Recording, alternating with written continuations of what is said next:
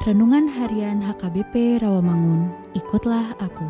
Sabtu, 22 Mei 2021 dengan judul Tuhan kita luar biasa.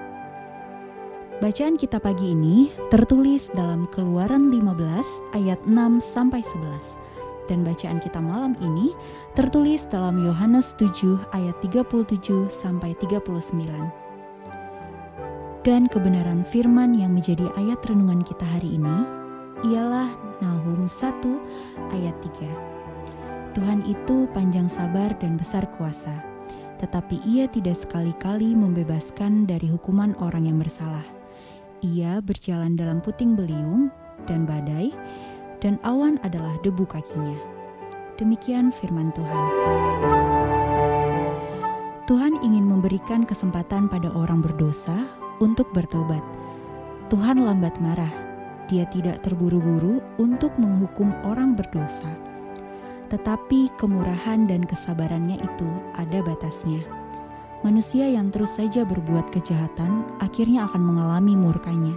Seperti kisah pertobatan Niniwe yang terjadi melalui firman Tuhan yang datang kepada Nabi Yunus. Tertulis dalam Yunus 3 ayat 1 sampai 9. Tuhan menyampaikan peringatannya melalui Yunus dan karena panjang sabar inilah pembalasan Tuhan tidak segera dilakukan terhadap orang-orang Niniwe yang telah melakukan perbuatan jahat.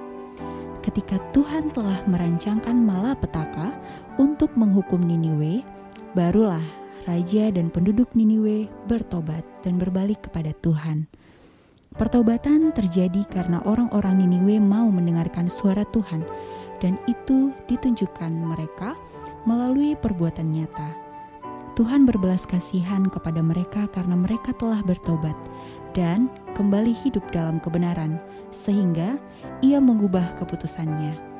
Nabi Nahum memakai kiasan Tuhan mampu berjalan dalam badai dan puting beliung dan awan adalah debu kakinya mempunyai arti bahwa Tuhan mampu menghukum atau menghancurkan orang-orang yang berbuat jahat tetapi dia juga panjang sabar untuk mengarahkan, menuntun, dan memberikan manusia kesempatan untuk bertobat dan kembali ke hidup benar.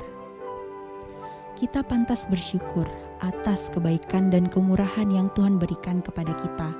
Selagi masih ada waktu, mari kita merendahkan diri di hadapan Tuhan, bertobat, dan hidup baru di dalam Kristus.